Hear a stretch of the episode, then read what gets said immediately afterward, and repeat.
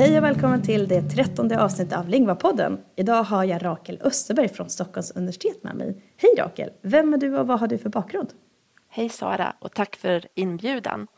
Eh, jag är lärare i språk, i franska och spanska och eh, blev, jag fick min lärarbehörighet 1996, så det är ett tag sedan. Och arbetade också ett tag som lärare eh, och skrev ett läromedel, en grammatikbok i spanska. Vi var ett team som arbetade med den och det tog ganska lång tid. Men eh, under den tiden så höll jag också kontakt med universitetsvärlden och eh, Lars Fanto som var huvudförfattare till boken, han frågade ska du inte disputera? Och jag sa nej, det, det har jag inte med på kartan. Men till slut så, det är klart, ibland så sår man frön och jag bestämde mig för att ja, men det låter intressant så att jag började min doktorandutbildning i början på 2000-talet, 2004 någon gång och eh, disputerade 2008 i spanska. Gjorde jag. Och just nu så är jag alltså på universitetet sedan 2010. För jag försökte först kombinera med att vara lärare på gymnasiet och eh, att eh, undervisa på universitetsnivå men det är väldigt svårt att tyvärr att kombinera världarna ibland. Så att därför så är jag verksam på universitetet och på Stockholms universitet och institutionen för romanska och klassiska språk. Mm. Och din avhandling lade du fram 2008 och den handlar om muntlig färdighet. Kan du berätta lite kort om vad den handlar om? Ja, jag ville följa elevers utveckling av det talade språket över tid. Jag följde egentligen flera grupper från början men det hela mynnade ut i att jag bestämde mig för att följa en grupp i spansk under deras studier under tre år i spanska 3 och 4 och 5. Och från början då hade jag en ganska stor grupp och så minskade den till ett eh, antal individer då, som fortsatte i, i årskurs 3. Och jag spelade in dem, så man kan säga att det är en semilongitudinell studie. Och Eh, jag var också intresserad av deras motivation så att jag gjorde också enkäter och framförallt intervjuer med dem. Och för att kunna särskilja det som var motivation så tittade jag också på aptitud, det här som är språkbegåvning eller fallenhet för språk för att eh, kunna ja, se vad som var vad. Och resultaten som jag fick som gäller då den här gruppen och de här personerna som deltog i studien var att de utvecklade sitt tal, talat språk över tid. Det jag hade var intervjuer och även eh, samtal mellan elever. Man kunde se att deras yttranden växte. Inte så där väldigt påtagligt, men man kunde se det även i olika mått. Och de blev också mer komplexa och andra saker i, i deras språk när de fick använda det. Och dessutom kunde jag se att när man tittar på de här yttre faktorerna som motivation och aptitud så var motivationen viktigare för de här individerna att utveckla sitt språk. Det, var, det som också var intressant som man kan säga det var att i den här gruppen så kunde man se två olika personlighetstyper som var och det var inte med, målet för min avhandling så att säga, så jag hade inte med faktorn eller variabeln personlighetstyp. Men eh, det fanns elever som var mer kommunikativt inriktade och elever som var mer eh, intresserade av strukturen och det, det språkliga. Och de var mindre benägna att ta risker, de som var mer intresserade av strukturen, med lite mer kontrollerande. Och de andra tog risker och, och, pratade på. Så att det var väldigt intressant att se att de här två profilerna fanns och båda såklart väldigt intressanta och, och, och utvecklade sitt språk, men på lite olika sätt. Och det som också var intressant var att det är klart, om, om, ofta har vi den här sammansättningen i grupperna så att man skulle gärna vilja, ja man behöver ju tänka på det ibland när man gör sina uppgifter, att man dels utmanar de som är väldigt säkra i sitt kontrollerade rum så att säga, så att de vågar pröva och ta lite risker. Och de här som har en väldigt komplext användande kanske behöver dras in lite grann mot, mot analyserande. Det blev en lite lång förklaring av min avhandling, men det var, det var väldigt intressant tycker jag när man är lärare att få följa en grupp elever över tid. Och motivation är något som förekommer både i avhandlingen och i flera av dina senaste publicerade artiklar. Jag har framförallt läst en artikel av Sajeli och Granfält och dig som kom 2022. Kan du berätta vad den handlar om? Mm. Det är en artikel i det här talprojektet i Teaching Assessment and Learning som vi hade mellan 2015 16 till 2019 2019, men vi skriver fortfarande artiklar inom det, men vi hade finansieringen under den perioden. Och då eh, hade vi ett systematiskt eh, urval av eh, skolor då, högstadieskolor i Sverige och niondeklassare. Och vi har ett material då, dels ett brett material från lärare och rektorer och elever från de här Eh, från det här stora urvalet på över 400 skolor. Men sen eh, så tog vi ut slumpvis ett slumpvis urval på 15 skolor. Och I de här 15 skolorna så spelade vi in elever då i tyska, franska och spanska när de fick producera och interagera på sina språk. Och sen tog vi också in enkäter och motivation. Så den här artikeln som du har läst, den handlar just om deras motivation och deras känslor om moderna språk. Eh, vi tittade på eh, deras känslor och deras motivation och eh, vi tog också in variabeln genus i det hela. Och resultaten då är intressant, intressanta tycker ju vi förstås att de, är för att vi tänkte oss att det skulle finnas en skillnad mellan språken. För det är ju någonting man ofta pratar om att tyska och franska och spanska uppfattas lite olika. Spanska är som mest populärt, franska upplevs som svårt ibland. Nu bara jag hugger lite grann, men av, av det vi hör som, som språklärare. Men när vi tittar på resultatet av den här enkäten så ser vi att det är inte några stora skillnader mellan de olika språken utan snarare så uppfattar eleverna det som ett enda ämne. Och eh, vi diskuterar tre skäl till det. Att det. Dels är det för att det finns en likhet hur, hur undervisningssituationer ser ut i de här språken.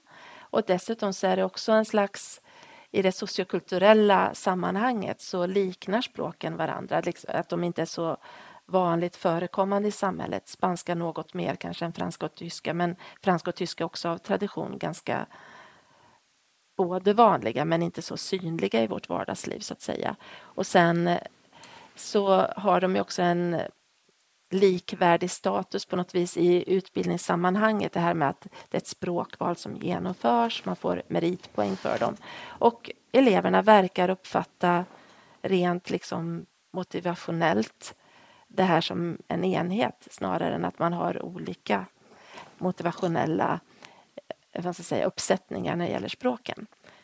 Det var en sak som vi tyckte var intressanta. Sen så såg vi också att och det kanske är det viktigaste, att, det, att lärarnas, eller förlåt, inlärarnas känsloliv.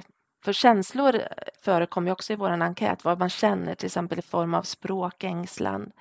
Foreign language anxiety är ett sånt konstrukt som vi arbetar vi har med i enkäten och vi tittar också på willingness to communicate som är en annan, som inte är ett motivationskonstrukt men är väldigt närliggande. Ens eh, beredskap att delta och vilja att delta i situationer när man använder och talar, i det här fallet då det främmande språket. Och det vi såg var att deras känslor påverkar deras intention, alltså de beteenden som de har kring motivation och sådana saker.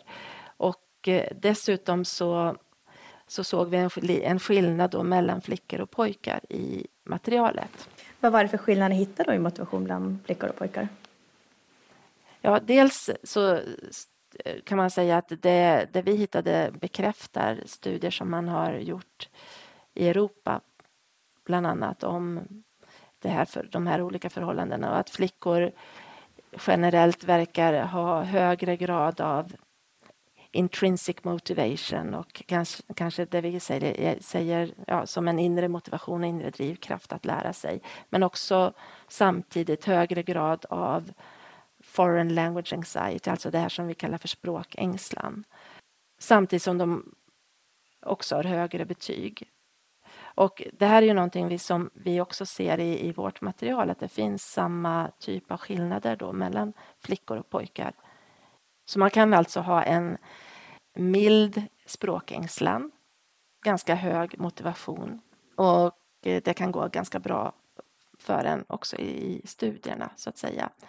Eh, flickorna verkar, det verkar vara som en mer balansgång för flickorna att de eh, att när vad ska jag säga, de här känslorna lägger sig till rätta så ökar WTC medan pojkarnas värden liksom är mer konstanta på något sätt. Ursäkta att jag slänger mig med de engelska begreppen men det är lättare att göra det. Och i, I den studien så har ni ju tittat på alltså hur det här beskrivs alltså i, i klassrummet.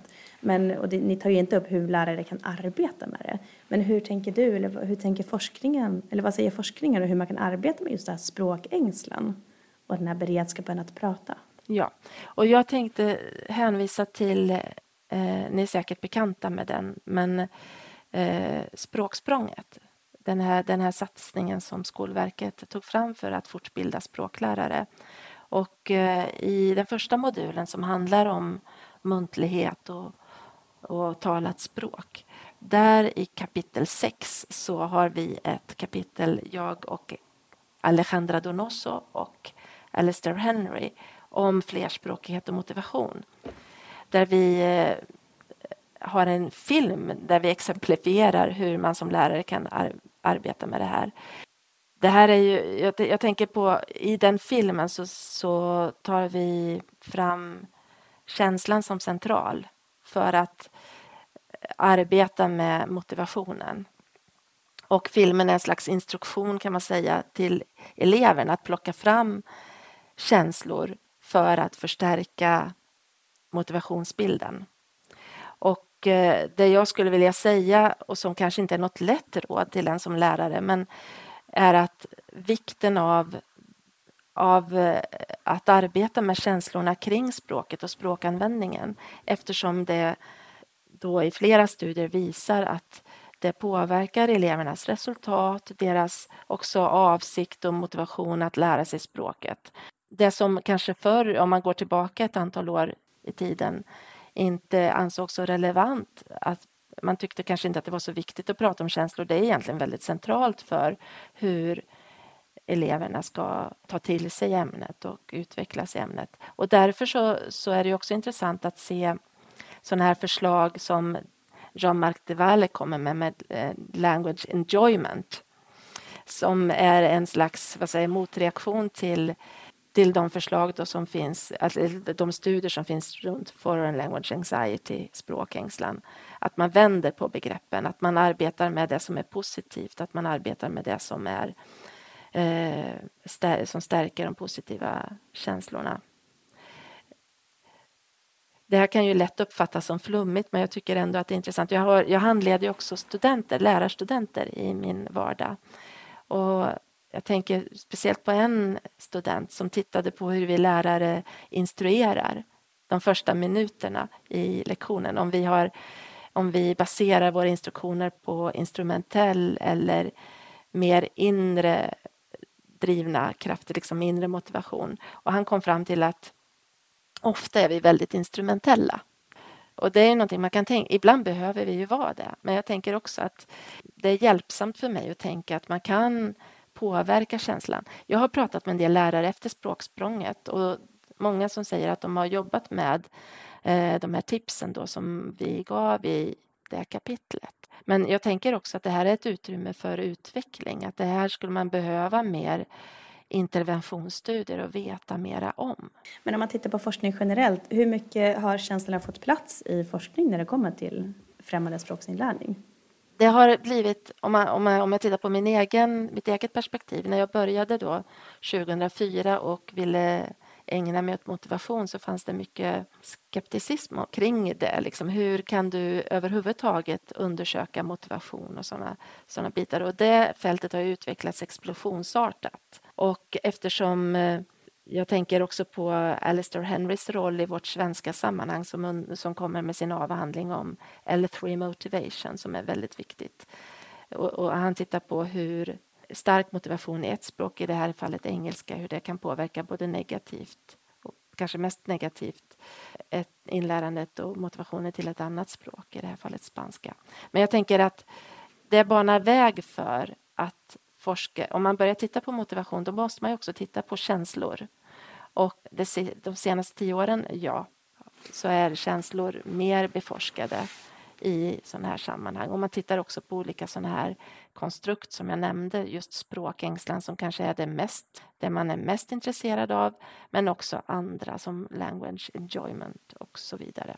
Eh, och dessutom så behöver man ju, när man tittar på motivation, så behöver man ju också titta på känslor. Hur, hur undersöker man motivation? Jo, genom individens perspektiv och upplevelse av någonting. Jag kan också tipsa er som lyssnar på podden att lyssna på avsnittet som sändes i december 2022. Där pratar jag med tre hjärnforskare om just tonårshjärnan. Och jag tänker nu att alltså, ungdomar är ju väldigt känsliga för, för känslor.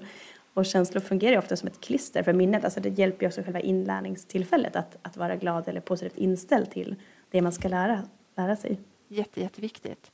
Mm. Det var inte kopplat till moderna språk utan mest användbart. Ja, men, och jag tänker också just det vi diskuterar då i den här artikeln som du läste att moderna språk då blir lätt osynliga i, om man tittar på en elevs vardag, om man inte har någon som pratar franska, tyska, spanska i sin närhet så finns inte de så mycket i, i sammanhanget. Så att det känslomässiga eh, och sättet vi arbetar med det, det är klart att det påverkar hur eleven sen uppfattar skolämnet, tänker jag.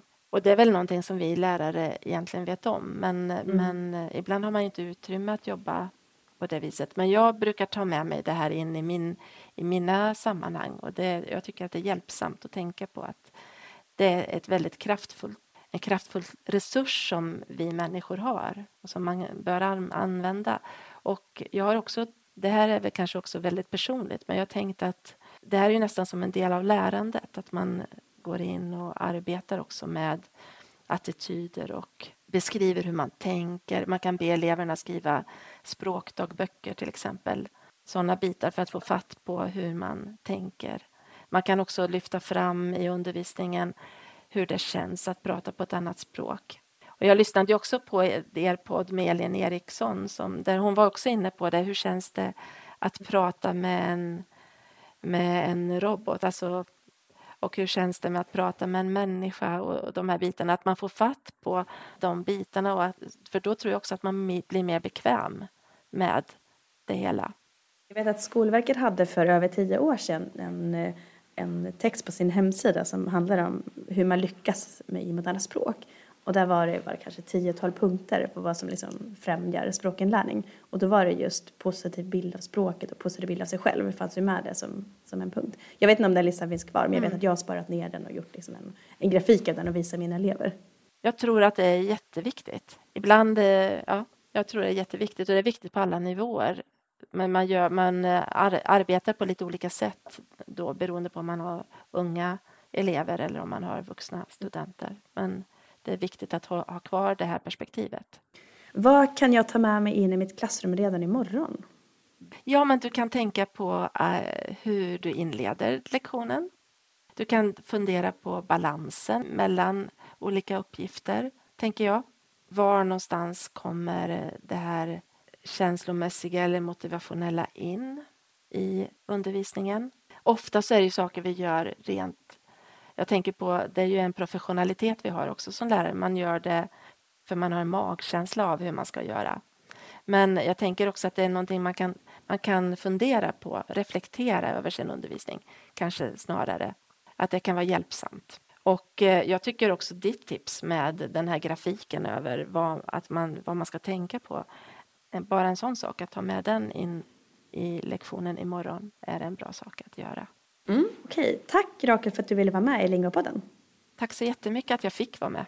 Tack. Ja, och tack till er som har lyssnat. Ni hittar extra material på vår hemsida. Det gäller för inloggade medlemmar. Tack så mycket så ses vi om en månad.